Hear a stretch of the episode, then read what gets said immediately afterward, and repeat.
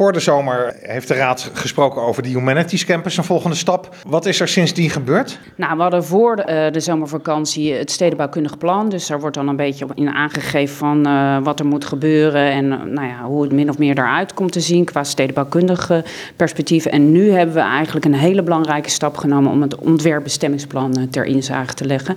Dus dan kan de stad daar ook op reageren. En daar zit ook een zogenaamd beeldkwaliteitsplan in.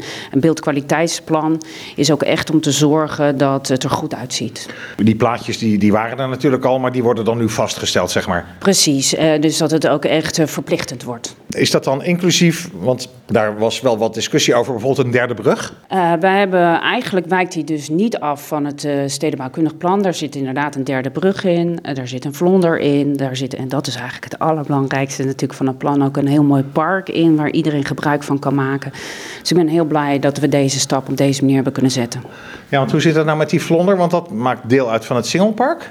Ja, dat maakt deel uit van het Singelpark. Want dan kunnen mensen echt zo langs het water lopen. En aan de Eigenlijk boven het water? Ja, precies. Hij ligt uh, eigenlijk boven, hij hangt boven het water. Ja. En dat kan dan niet anders omdat op de, op de wal geen plek is?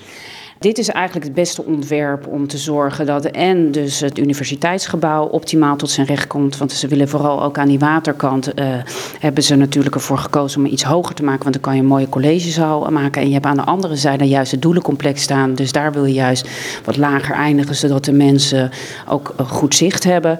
Dus uh, dit is het ontwerp wat het maximale was. En ik moet zeggen, persoonlijk vind ik het ook ontzettend leuk nou, dat je dus over het water loopt.